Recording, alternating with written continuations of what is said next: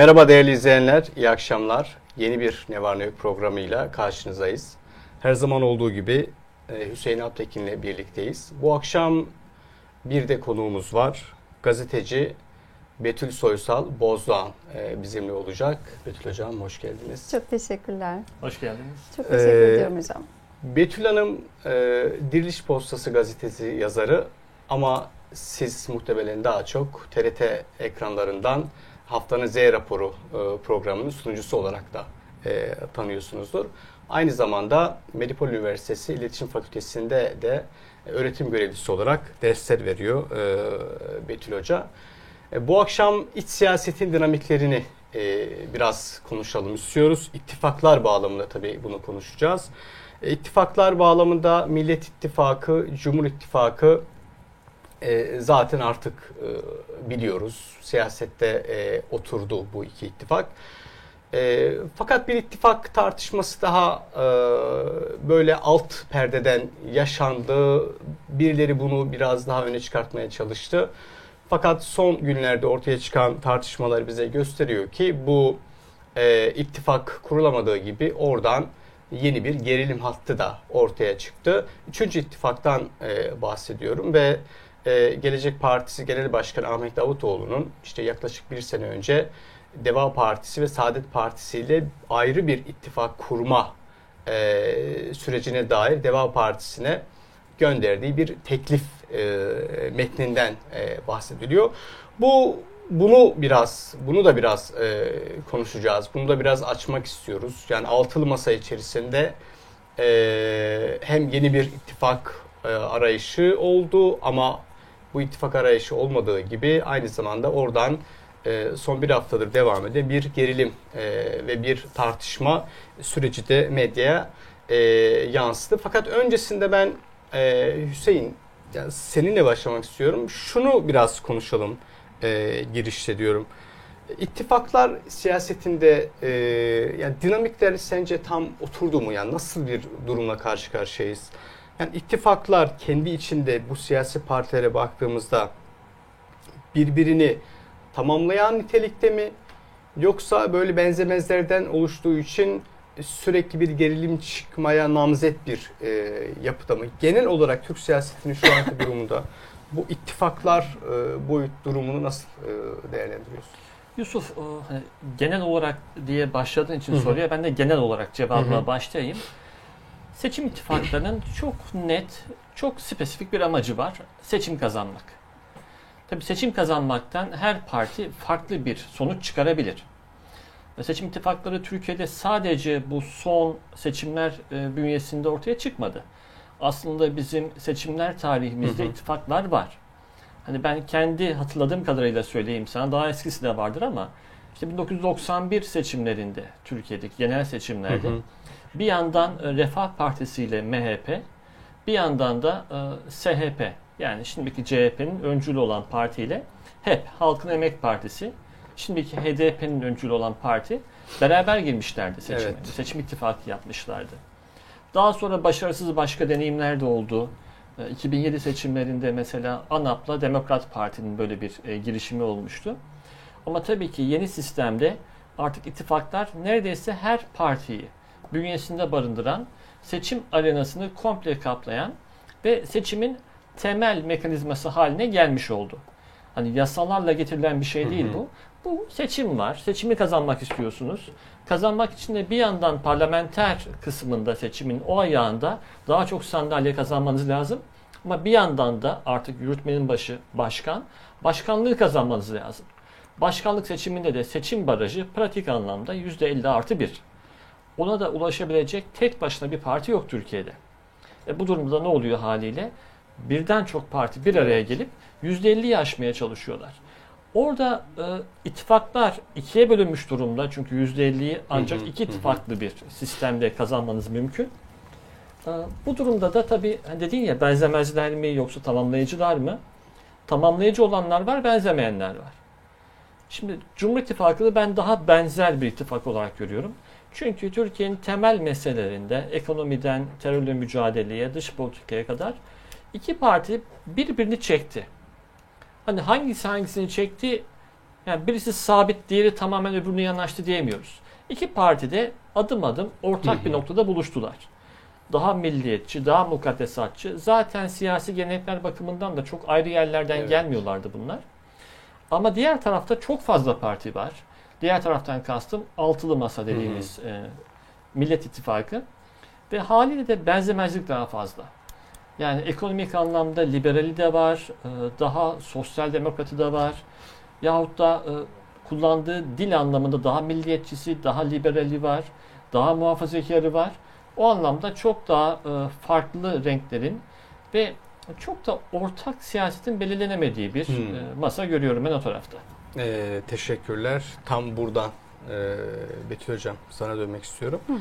Ee, aslında Hüseyin iyi bir yerde bıraktı. Evet. Yani Mil- Millet İttifakı içerisindeki bu benzemezlikten biraz e, e, bahsetti.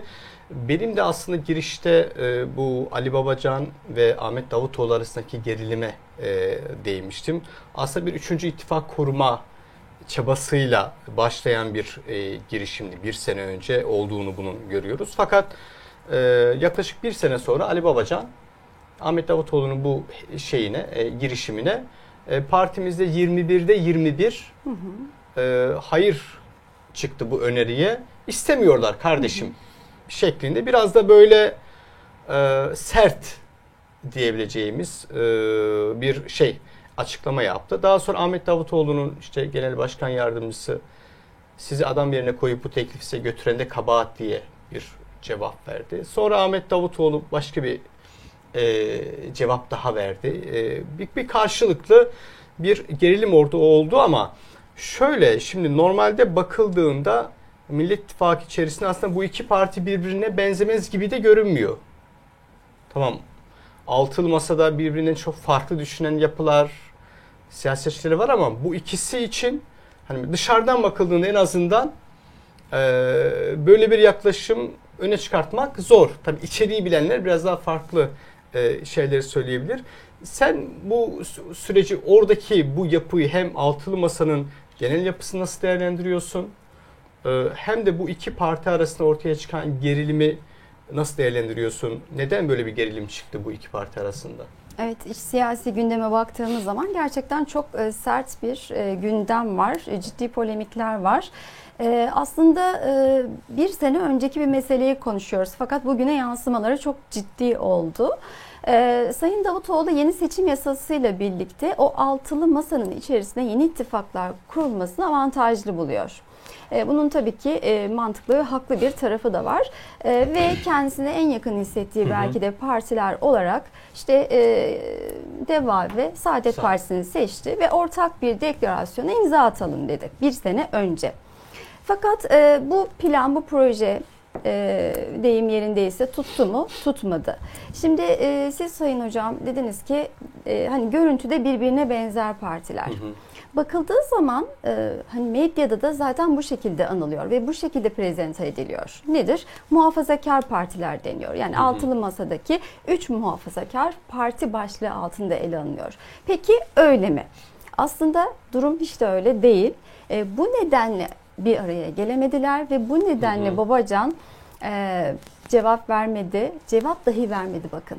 Yani ve Davutoğlu buna çok alındığını Cevap vermediği bir yıl sonra ortaya ee, çıkıyor. Evet ve Şimdi çok alındığını söylüyor Sayın Davutoğlu. Diyor ki hani burada bir sorun var, iletişim problemi de var. Hı hı. En azından olumsuz dönebilirlerdi. Olumsuz dahi dönmediler diyor. Yani biz bu e, deklarasyonu imza atmıyoruz bile demediler. Yani yok saymak iletişimde çok e, ciddi bir problemdir. Evet. E, peki bunun temelinde ne var? Yani buna baktığımız zaman e, şunu görüyoruz açıkçası. Ben bir kimlik e, sorunu, problemi görüyorum. Şöyle ki e, hocalarım, e, şimdi bu metne baktığımız zaman 28 Şubat e, vurgusunu görüyoruz.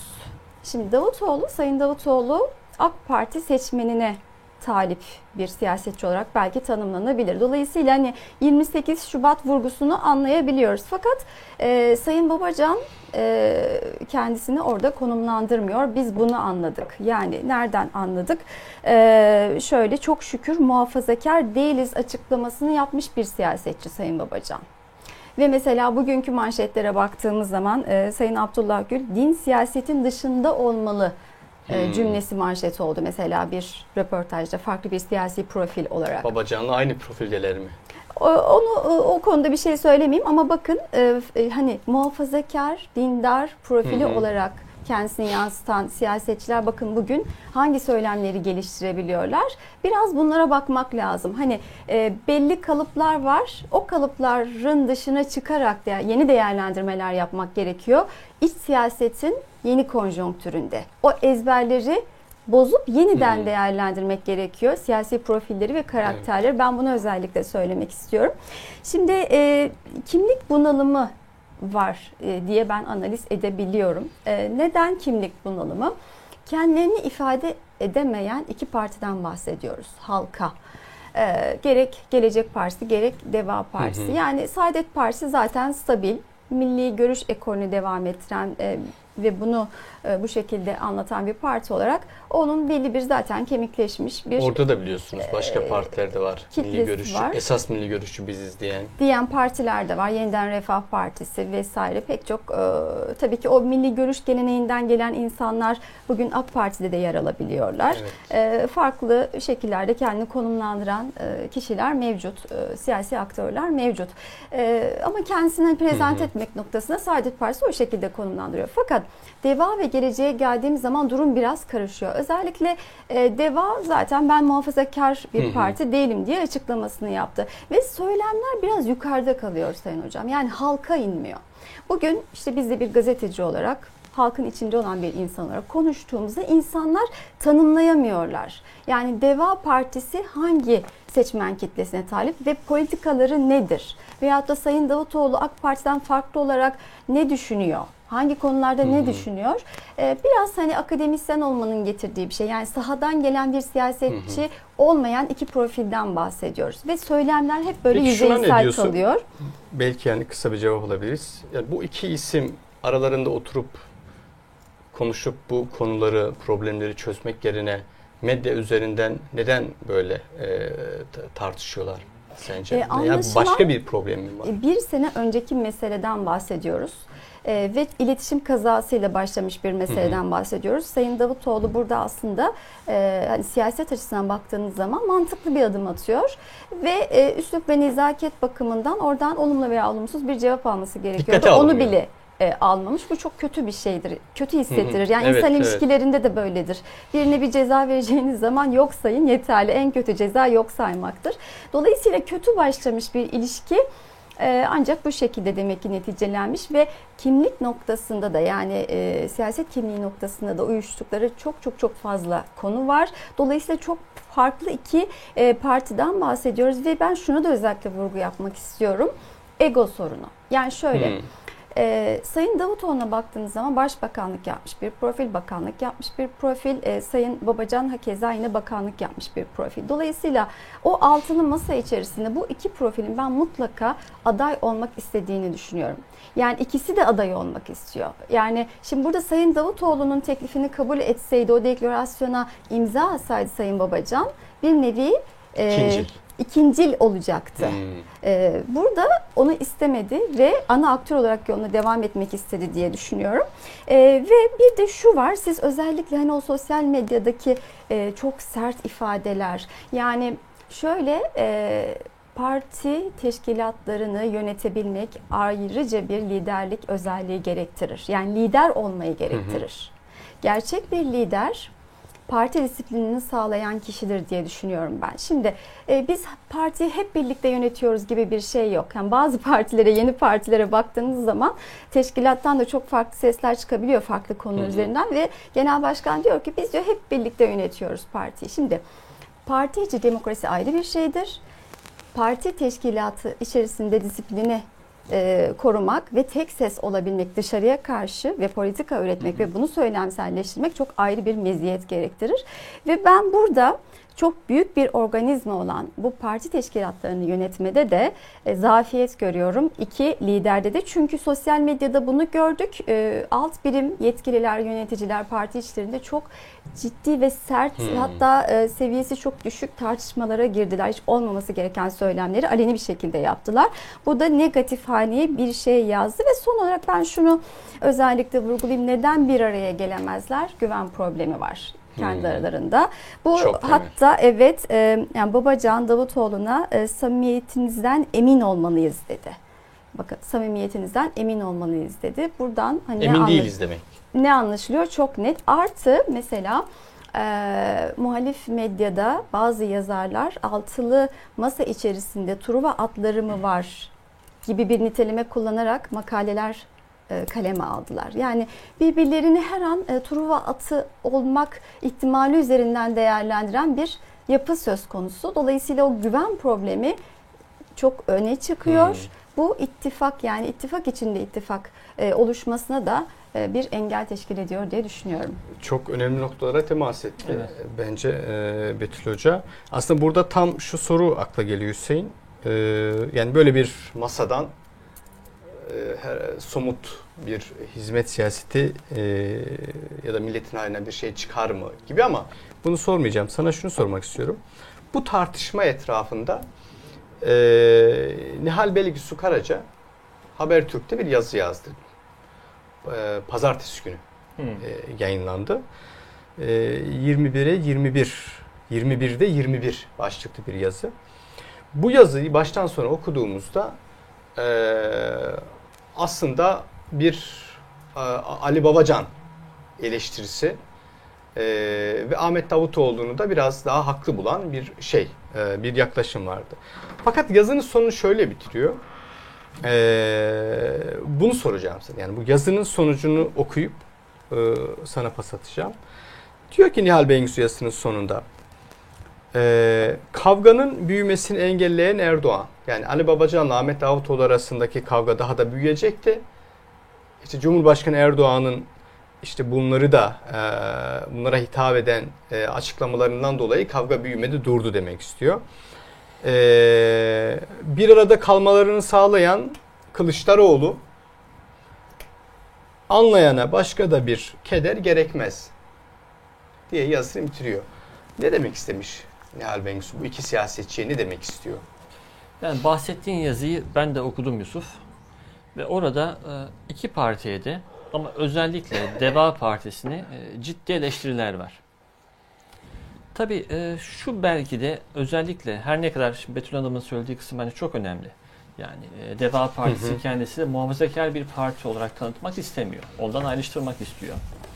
Buna rağmen bu iki partinin de öncelikli olarak seslendiği tabanlar aslında aynı taban. Yani AK Parti'ye oy veren seçmenler ve muhafazakar seçmenler çok büyük oranda. Ve e, bu partilerin e, AK Parti'den ayrılmış olmaları ve gittikleri her yerde parti liderlerinin vatandaşlar tarafından çok sert söylemlerle kınanmaları durumu söz konusu. Yani açıkçası böyle hicap duyulacak söylemlerle hani açık söyleyelim hani gittiği yerlerde işte ihanet ettin Hmm. şeklinde bağıran seçmenler var. Hani size işte birisine başbakanlık verdi, diğerine işte Dışişleri Bakanlığı, e, Ekonomi Bakanlığı, Başbakan Yardımcılığı verdi. Buna rağmen gidip CHP ile ittifak kurdunuz şeklinde çok ağır bir sitem durumu söz konusu. Ve açıkçası e, belki biraz bu o bir yıllık süreçte vatanda bir yıldan da az kaldı. 10 aylık süreçte vatandaşla karşı karşıya gelmekten bile alıkoyabilecek sert bir tepki Hı var. hı. E, Bu bir problem. Diğer taraftan e, problemi daha da katmerli kılan bu iki partinin e, CHP ile CHP'nin kurduğu, mimarı olduğu bir masada o ittifak içerisinde yer alması. Bu da öncelikli olarak ulaşmak istedikleri tabanlarda bir problem. Çünkü Türkiye siyasi tarihinde iki tane ana aks, ana yol vardır. Bu Cumhuriyet'in kuruluşundan beri hatta biraz daha geriye dahi gider. Yani Osmanlı'nın o parlamenter döneminde bile bu iki akstan bahsedebiliriz ama Cumhuriyet'le başlarsak bu iki aksın bir tanesi hiç değişmeden hep CHP oldu başından beri. CHP'nin temsil ettiği bir gelenek var. Ve CHP görece biraz daha şanslıydı diğer partilere göre. Çünkü e, hani 80 darbesi dışında kapatılma görmedi. 80 darbesi tüm partileri kapattı Türkiye'de. CHP de bundan nasibini almıştı. Ama diğer darbelerden kapatılmadan çıktığı için ve genelde de darbelerden sonra oluşan yeni siyasi atmosferde kazançlı taraf olduğu Evet. için. Çünkü rakibi kapatılmış oluyor, seçimi kazanan bir nevi neredeyse başka parti olmayacağı için kendisi kazanmış oluyordu. Ee, ve CHP'nin bu aksının yanında bir aks daha vardır bizim siyasi geleneğimizde. Bu da Terakkiperver Cumhuriyet Fırkası'ndan beri sosyal anlamda muhafazakar, Hmm. yani toplumun maneviyatını, değerlerini önceleyen, toplumun hayat tarzını, dini pratiğiyle de barışık olmaya çalışan, ekonomik anlamda da serbest piyasa dinamiklerine de, girişimciliğe de yol açan, e, alan açan hı, bir hareketti. Bu da işte dönem dönem Terakkiperver Cumhuriyet Fırkası'nın o kısa tecrübesi oldu. Dönem dönem Demokrat Parti, Adalet Partisi, Anavatan Partisi oldu. Ve nitekim bugün de AK Parti o geleneğin temsilcisi. Şimdi böyle olduğu zaman altılı masaya bakanlar, e, hani soruyu oradan sorduğun için Hı söylüyorum. E, Deva Partisi ile Gelecek Partisi'ni e, bu iki akstan yanlış tarafta.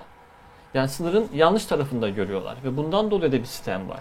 Yani sadece e, geçmişte çalışmış oldukları partiye sırt dönmeleri değil, gelenek olarak da Türkiye siyasi geleneğinde de diğer tarafa geçmelerinden ötürü bir sistem var seçmende. Ya seçmen belki yıl yıl seçim seçim bunun dökümünü tutmuyor. Ama o bir toplumsal hafızada Hmm. artık sindirilmiş, orada e, içselleştirilmiş bir ayrım. Yani CHP toplumun bu tarafında öteki parti.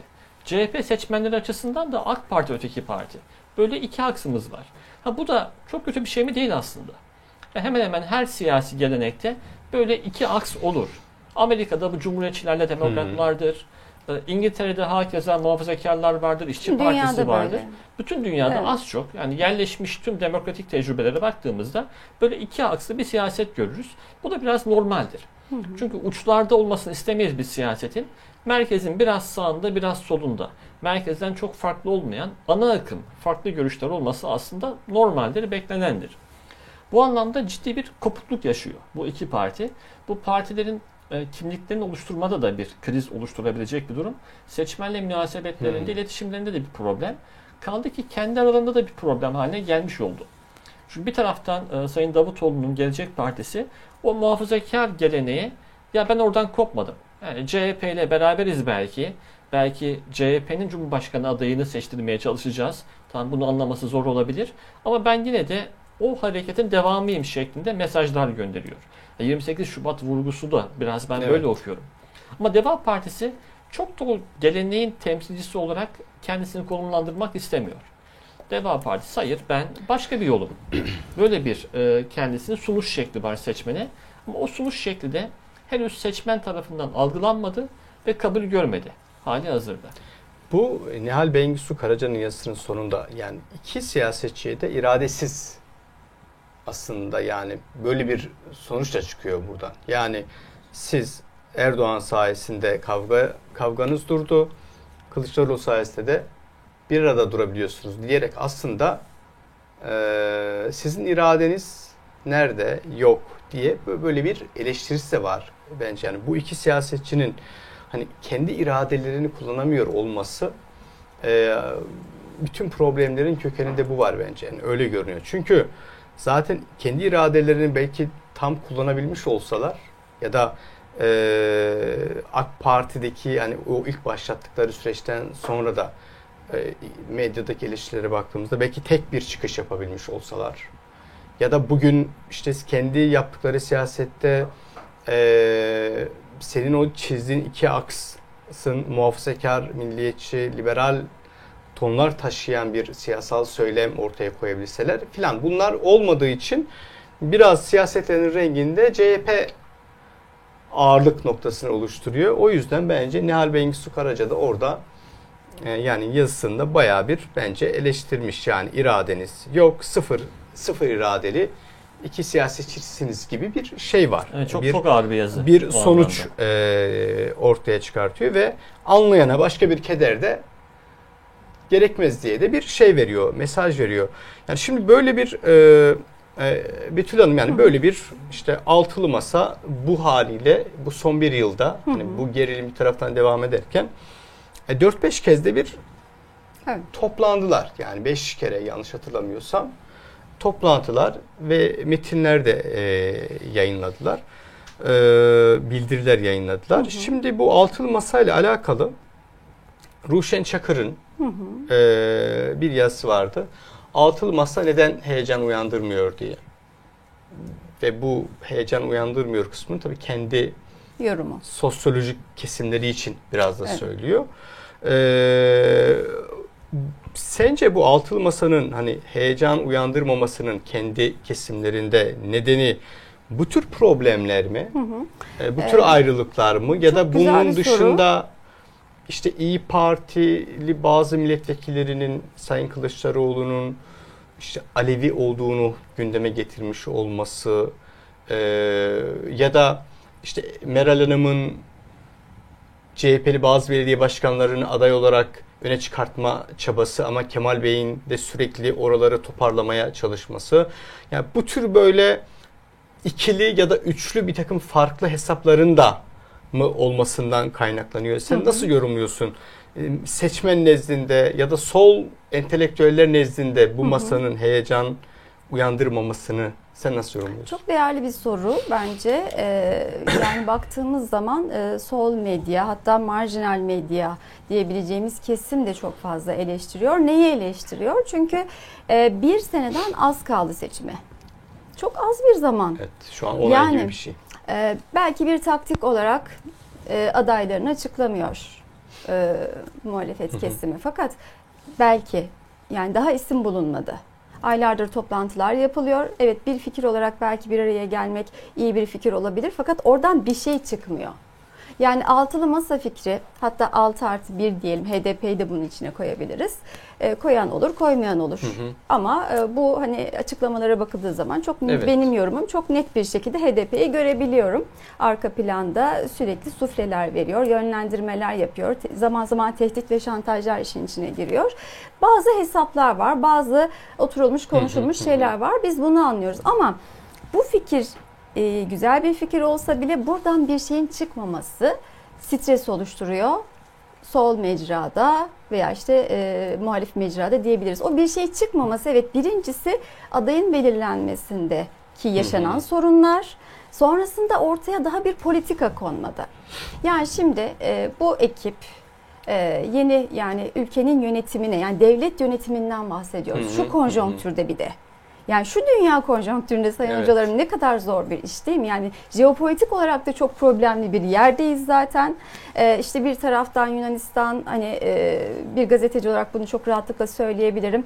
Bir taraftan İsrail odaklı kesimler, bir taraftan İran odaklı kesimler Türkiye üzerinden ve- veya Ermenistan'ı da Ermenistan'ı da işin içine koyalım. Türkiye toprakları üzerinden farklı farklı haritalar yayınladığı bir Doğru. süreçte hiçbir şey, hiçbir e, yorum duymuyoruz. PKK ile mücadeleye dair, FETÖ ile mücadeleye dair, e, uluslararası e, bu konjonktürün yönetilmesine dair, dış politikaya dair, doğalgaz arama faaliyetlerine dair, mavi vatan e, vesaire. Yani Her altılı şey çok masanın havada, bir şey altılı çıkmıyor. masadan böyle bir açıklama çıkmıyor diyorsun. Ne, ne düşünüyorlar? Yani olası bir parlamenter parlamenter sistem yönetiminde, olası bir e, koalisyon, o da bambaşka bir konu. Onu da ayrıca konuşabiliriz. Çok Parlamenter problematik. sisteme döneceğiz de artık demiyorlar İddiaları- sanki. O da biraz azalmış Baş- son zamanlarda. Evet, evet. Azalsa ama çok, da- çok, çok duyduk ama o Şimdi söylemi. azalsa Bayağıdır da duymuyorum sanki. Şimdi bu, bu azalsa da hani başkanlık sisteminde Hmm. devam edeceğiz de demiyorlar. E, dolayısıyla hani bu kadar çoklu bir aktör içerisinde acaba bu ülke yönetimini nasıl yönetecekler ve bu konuya dair ne düşünüyorlar? E, farklı çelişkili tabii ki fikirlerin olması çok Hı hı, doğal. hı Çünkü hepsi farklı bir partiyi e, temsil ediyor. Bu biraz stres oluşturdu ve e, o heyecanı köreltti diyebilirim. Hmm. Bu noktada mesela Deva ve Davutoğlu'ndan yine örnek verirsek, e, konuyu açıklamaya gayret edersek, e, burada da büyük sıkıntı var. Şöyle yani konumlandırma hatası yapıyorlar kanımca. Şöyle ki, şimdi Sayın Hocam az önce neden bahsetti? İkili bir akstan bahsetti. Siyasetin ikili aksından bahsetti. Şimdi baktığımız zaman Deva ve Gelecek normalde CHP'nin karşısında kendini konumlandırması gerek. Ama CHP ile hesaplaşma yoluna girmiyor. Buna cesaret Hmm. edemiyor. Yani 28 Şubat metnine imza atamamasının nedeni de o deklarasyona imza atamamasının nedeni de bu. Ne yapıyor? Kendini şu şekilde konumlandırıyor. İktidar karşısında e, konumlandırarak bir karşıtlık üzerinden pozisyon almaya gayret ediyor. Bu da bence çok stratejik bir hata çünkü kendi içinden çıkmış olduğu bir gelenekle çatışıyor ve kavga ediyor. Oysa siz çok yeni bir vizyon ortaya koymanız gerekiyor. Yeni bir perspektif ortaya koymanız gerekiyor. Bir gelecek öngörüsü ortaya koymanız gerekiyor. Hiçbir yeni bir şey söylemiyor baktığımız zaman. E, bu önemli bir sorun. Yani şimdi şunu da özellikle ben vurgulamak istiyorum. E, e, siyasal iletişim noktasında Hı hı. büyük hatalar yapılıyor. Çok agresif. Mesela Sayın Davutoğlu sahada aşırı agresif. Ee, Sayın Babacan e, sempatik bir imaj çizmeye çalışsa da söylemler çok sert. Kime karşı? Sayın Erdoğan'a karşı. Hmm. Hakaretamiz bir dil kullanılıyor. Ben buna da özellikle dikkat çekmek istiyorum. Sayın Erdoğan da vakti zamanında Refah Partisi'nden, Fazilet Partisi'nden ayrılıp AK Parti'yi kurduğu zamanlarda hatırlarız sayın hocalarım.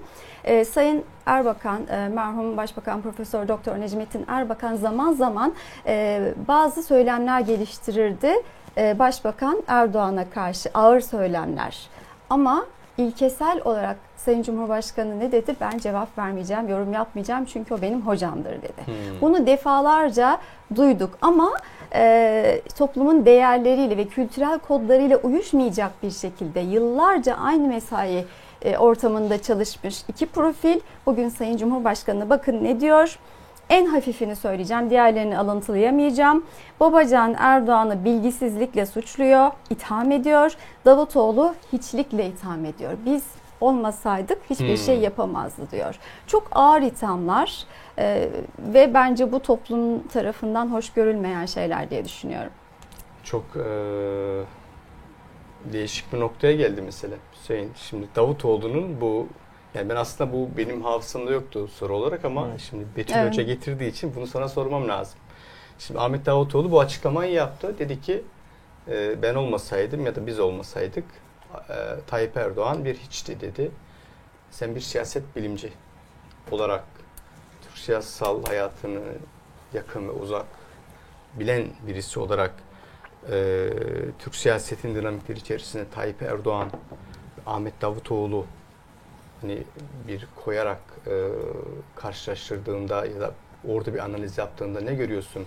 Hiç miydi Sayın Erdoğan Davutoğlu olmasaydı?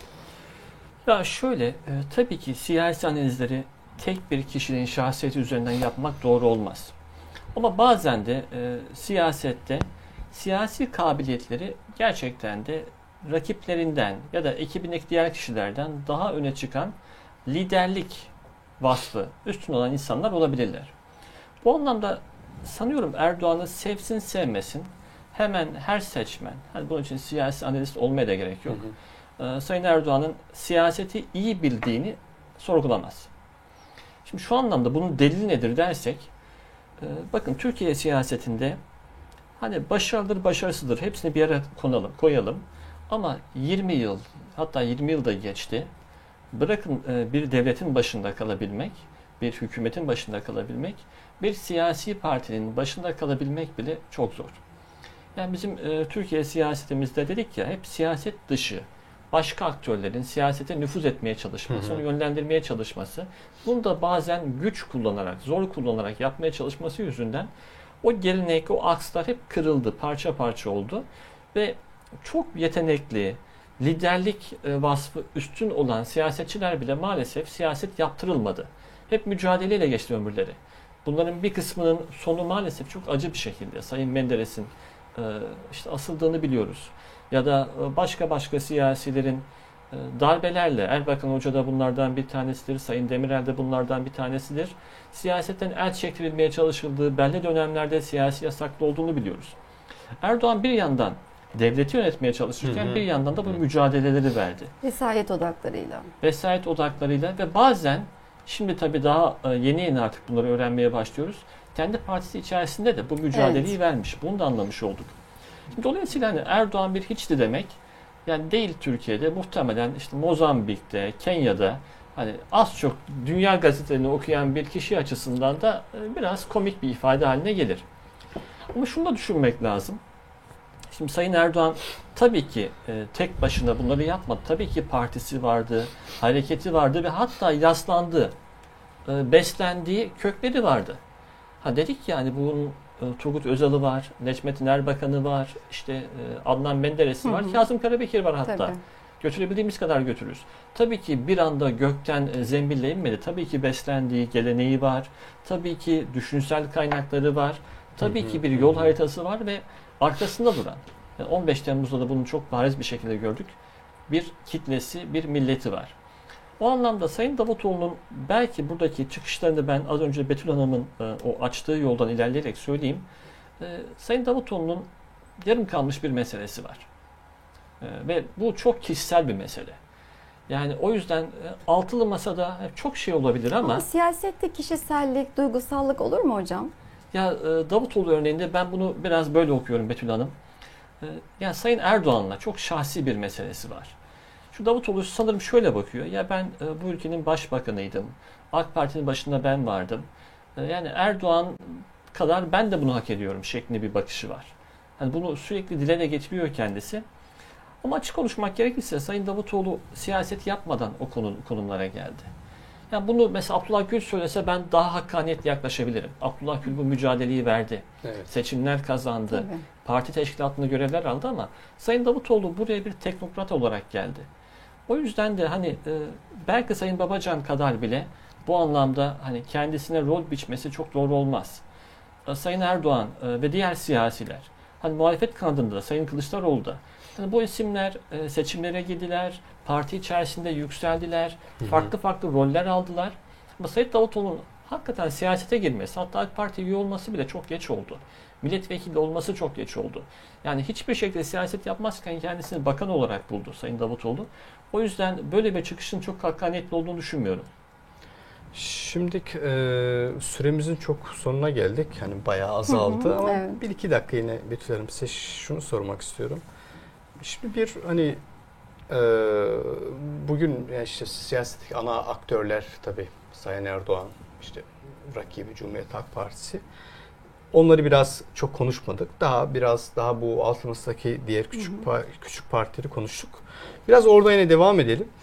Mesela bu ırkçılık mes- problemi var Hı karşımızda. hı. Ee, şimdi Ümit Özdağ diye bir siyasetçi işte İyi Parti'den ayrıldı, bir parti kurdu ve e, yani bir toplumsal çatışmayı körükleyecek şekilde ırkçı bir dil kullanıyor. Bütün işte Türkiye'de hani farklı olan herkese karşı yani bu eleştirinin bayağı üstüne çıkmış bir yaklaşım dili ama işte ona karşı da bakıyoruz işte Türkiye'nin Suriye politikalarında iç- içerisinde hani işte Hüseyin de biraz söyledi. Ahmet Davutoğlu Dışişleri Bakanı'ydı. Yani işte 2011'de Beşar Esad'la Suriye'de o görüşmeyi yapan Ahmet Davutoğlu'ydu. Ee, bu ilk e, göçmenler Türkiye'ye geldiğinde Ahmet Davutoğlu'ydu uzun bir süre. Yani Ali Babacan aynı şekilde dönemin önemli aktörleri arasında. Şimdi bu iki ismin bir parti olarak kamusal düzlemde bu ırkçı yaklaşımlara karşı bir tepki vermediğini Hı hı. e, görüyoruz. Yani ırkçılıkla mücadele sadece hükümetle ilgili sınırlı bir olay mıdır? Yani bu iki partinin hani etik olarak sence bu ırkçılıkla mücadele konusunda bir pozisyon almaları gerekmez mi? Parti teşkilatları Evet. olarak. Bence hocam e, çok kritik öneme haiz bir soru sordunuz. Gerçekten bir farkındalık oluşturma noktasında çok önemli bir soru. E, Sorular önemlidir çünkü düşünmeyi sağlar. E, Şimdi ben bir gazeteci olarak öncelikle şunu peşinen söyleyeyim. Birincisi darbecilik, darbeseverlik, terör sempatizanlığı, terör yandaşlığı ve buna bir de işte bu sizin söylediğiniz ırkçılığı ekleyebilirim. Bunun peşinen net bir şekilde olması gerektiği gibi karşısındayım Hı ve hı. bunu politika haline getiren e, partiler varsa da bunu açık bir şekilde bunların karşısında olduğumu ifade ederim. Yani buradan e, ne söylemek istediğim gayet iyi anlaşılıyordur. hı hı. Nereye gidiyor adres çok açık ve net. E, dolayısıyla e, özellikle o Ümit Özdağ'ın, Sayın Özdağ'ın yaptığı e, politika çok gerçekten tehlikeli ama marjinal bir politik olarak görebiliriz. Çok marjinalleştirilmiş bir politik olarak görebiliriz ve onaylanamaz Bu asla. iki partinin yaklaşımına ne diyorsun? Ee, onların sessizliği ve tepkisizliği de e, gerçekten çok iç acıtıcı bence. Çok Ya talihsiz. siyaset böyle bir şey midir? Yani Siyaset bence böyle bir şey değil. sus. Hiçbir şey e, Sayın Hocam az önce onu da vurguladım. Yani hiçbir konuda yorum yapmıyorlar ki ama en azından bu kadar önemli hususlarda yorum yapın değil mi? Toplum da bunu bekliyor. Evet. Yani gerçekten çok önemli Hayır. bir soru bence. Çünkü uzun yıllar boyunca siz de o politikanın bir parçası Evet. olarak hani işin içinde e, yer almışsınız. E, Hüseyin senin buna ekleyeceğin bir cümle varsa. Bence Betül Hanım gayet iyi özetledi. Tamam o zaman. Ben de katılıyorum son noktasına kadar. O zaman bugünlük yayınımızı burada sona erdirmiş olacağız. Şimdi şöyle bugün aslında 50. yayınımız. Hayırlı olsun. Çok Ee, tebrik 50. ediyorum. Nice yayınımızda 50 Betül Hoca'yı yayınlara. e, misafir etmiş olduk. E, bu da bizim açımızdan bir e, şanstı. Teşekkür ediyoruz O tekrar. Hayır, teşekkür ediyorum. yayınımıza Davetiniz katıldığınız Dileriz için. 100. programda da Betül Hanım'ı ağırlarız. İnşallah. Çok e, teşekkür inşallah ediyorum. diyelim. Değerli izleyenler, e, bu akşamlık Ne Var Ne Yok programı için bize ayrılan sürenin sonuna geldik. 50. yayınımızı e, yapmış olduk. E, nice 50 yayınlara diyelim. Önümüzdeki hafta yeni bir programda görüşmek üzere. İyi akşamlar, hoşçakalın.